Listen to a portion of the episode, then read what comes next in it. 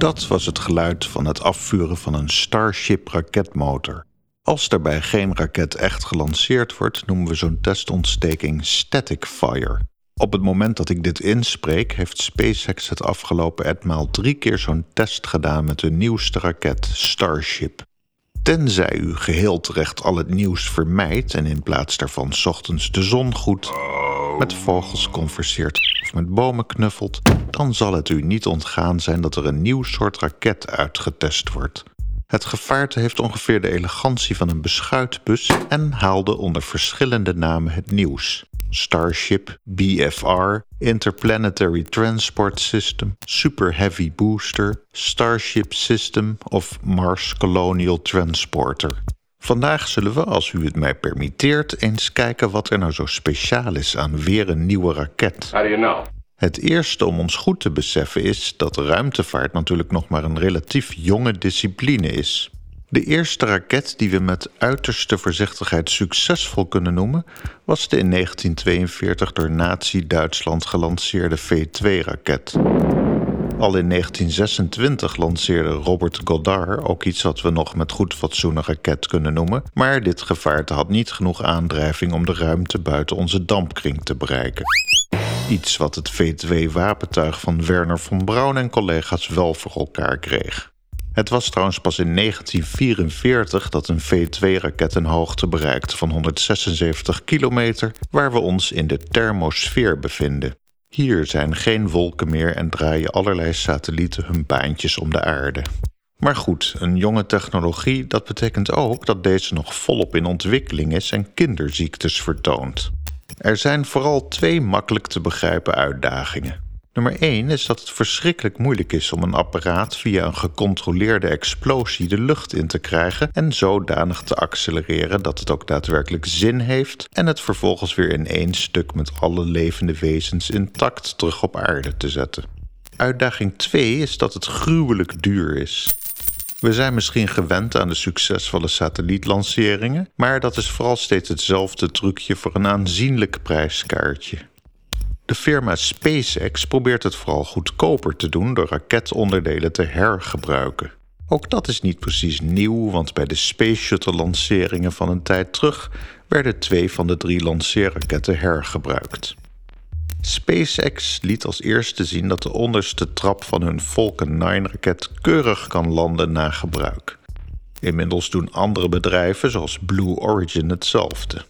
De grote lompe Starship-raket is een poging om de hele raket herbruikbaar te maken. Dat het zo makkelijk kan. Als dat de kosten niet al naar beneden haalt, dan is het ook nog eens een gigantisch ding waar meer satellieten of mensen in passen. SpaceX streeft er op dit moment naar om uiteindelijk met uitsluitend Starship-raketten te werken en zo veel efficiënter te kunnen werken. Laten we gelijk maar even wat mogelijke tegenwerpingen aanpakken. Tegenwerping 1 kan zijn dat iemand denkt: er is al zoveel schroot in een baan rond de aarde gebracht. Moeten we daar niet paal en perk aan stellen? Dat is natuurlijk wel een interessante gedachte, maar als u met Google Maps, Waze of een TomTom rijdt, bent u toch ook blij met GPS-satellieten? En vindt u het fijn dat uw vriendelijke overbuurvrouw met haar gezin naar uitzendingen van haar vroegere thuisland kan kijken?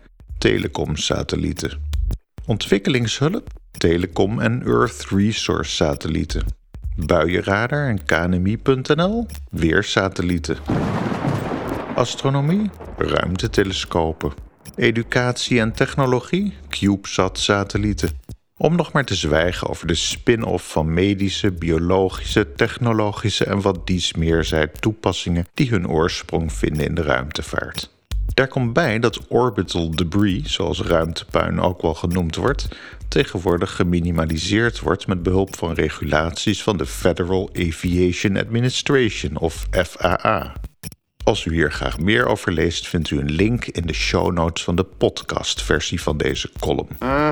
Tegenwerping 2 kan zijn dat raketlanceringen slecht voor het milieu zijn.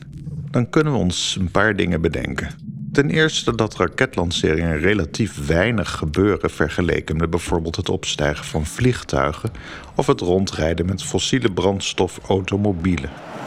Het tweede ding is dat raketten ook regelmatig op pure waterstof gelanceerd worden.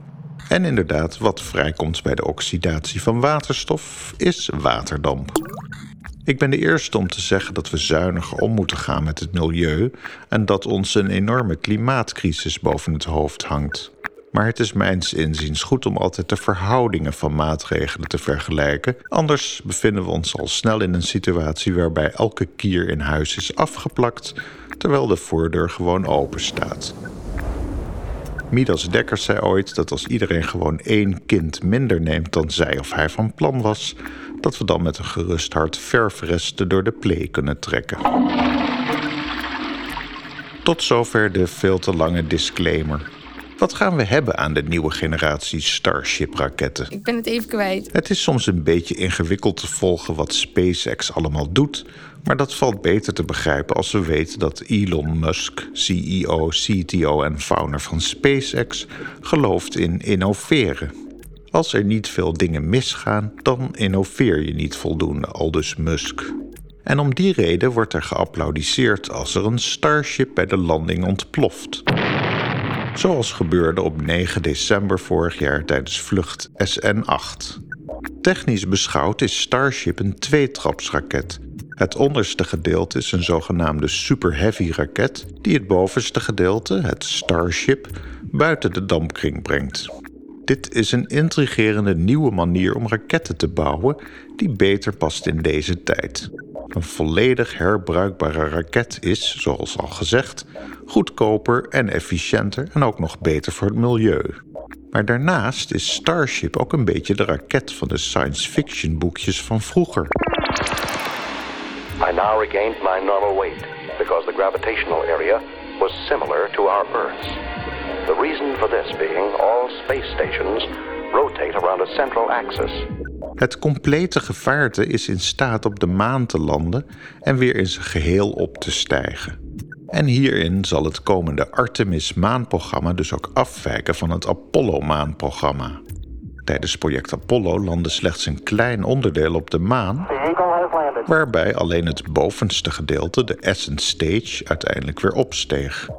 Een iets uitgeklede versie van Starship wordt daadwerkelijk op dit moment ontwikkeld voor transport tussen de maan en een rond de maan draaiend nog te lanceren ruimtestation, de Lunar Gateway. In april 2020 werd SpaceX geselecteerd om dit onderdeel te gaan ontwikkelen voor project Artemis. Wacht, wacht, wacht. Artemis is een serieuze poging van de Verenigde Staten om weer mensen op de maan te zetten in het jaar 2024.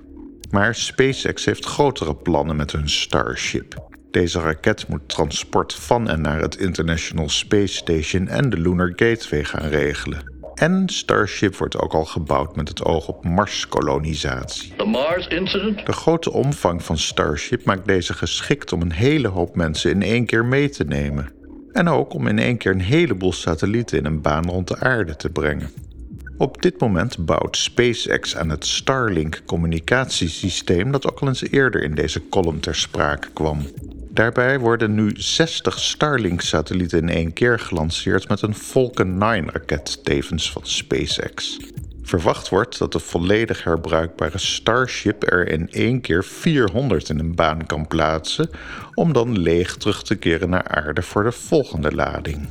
De volgende test is SN9, die als deze column voor het eerst op NPO Radio 1 komt, later vandaag zal plaatsvinden. De SN9 zal tot een hoogte van 12,5 kilometer opstijgen en daarna hopelijk netjes landen. Het klinkt voor ons, beste stuurlui aan wal, tamelijk absurd dat zo'n duur apparaat waar zoveel mensen aan werken bij de landing kan ontploffen. Maar de mensen die er dag en nacht aan werken, moeten concessie na concessie doen. Als een raket superdegelijk gebouwd wordt met dikke lagen staal, dan wordt het ding veel te zwaar. Het is op de lasnade dat het mis kan gaan. Te veel druk, te harde landing, te veel torsie, noem maar op. Pas als al deze risico's binnen zekere grenzen gebracht zijn, zal bemanning plaats durven te nemen in een Starship. Mogelijk zal dit in 2023 zover zijn als een meertallige bemanning een rondje om de maan zal draaien. Dit project kunt u op de social media en het internet volgen onder hashtag DearMoon. Tot slot vraagt u zich mogelijk af of ik soms aandelen bij SpaceX heb. Ik kan u geruststellen, ik heb überhaupt geen aandelen. Daar ben ik een veel te arme sloeber voor. And he displays irresponsibility and poor judgment. Maar de ambities van SpaceX vind ik wel geruststellend. Ik werd ooit in 1967 wakker in een wieg in een tijd dat mensen op de maan gingen lopen. Nu is er best veel bereikt op het gebied van de onbemande ruimtevaart, maar de belofte van de maanreizen is mijn hele leven nooit helemaal waargemaakt. Dus wie weet maakt SpaceX dat een beetje goed. Het maakt mij ook niet uit of het ESA, JAXA, SpaceX, NASA, Blue Origin of een combinatie is die ons verder brengt. Het is nu eenmaal een onderdeel van die ruimtevaartobsessie dat ik ook graag meemaak dat de mensheid grotere stappen in het heelal zet. Misschien herkent u het wel. Tot de volgende keer.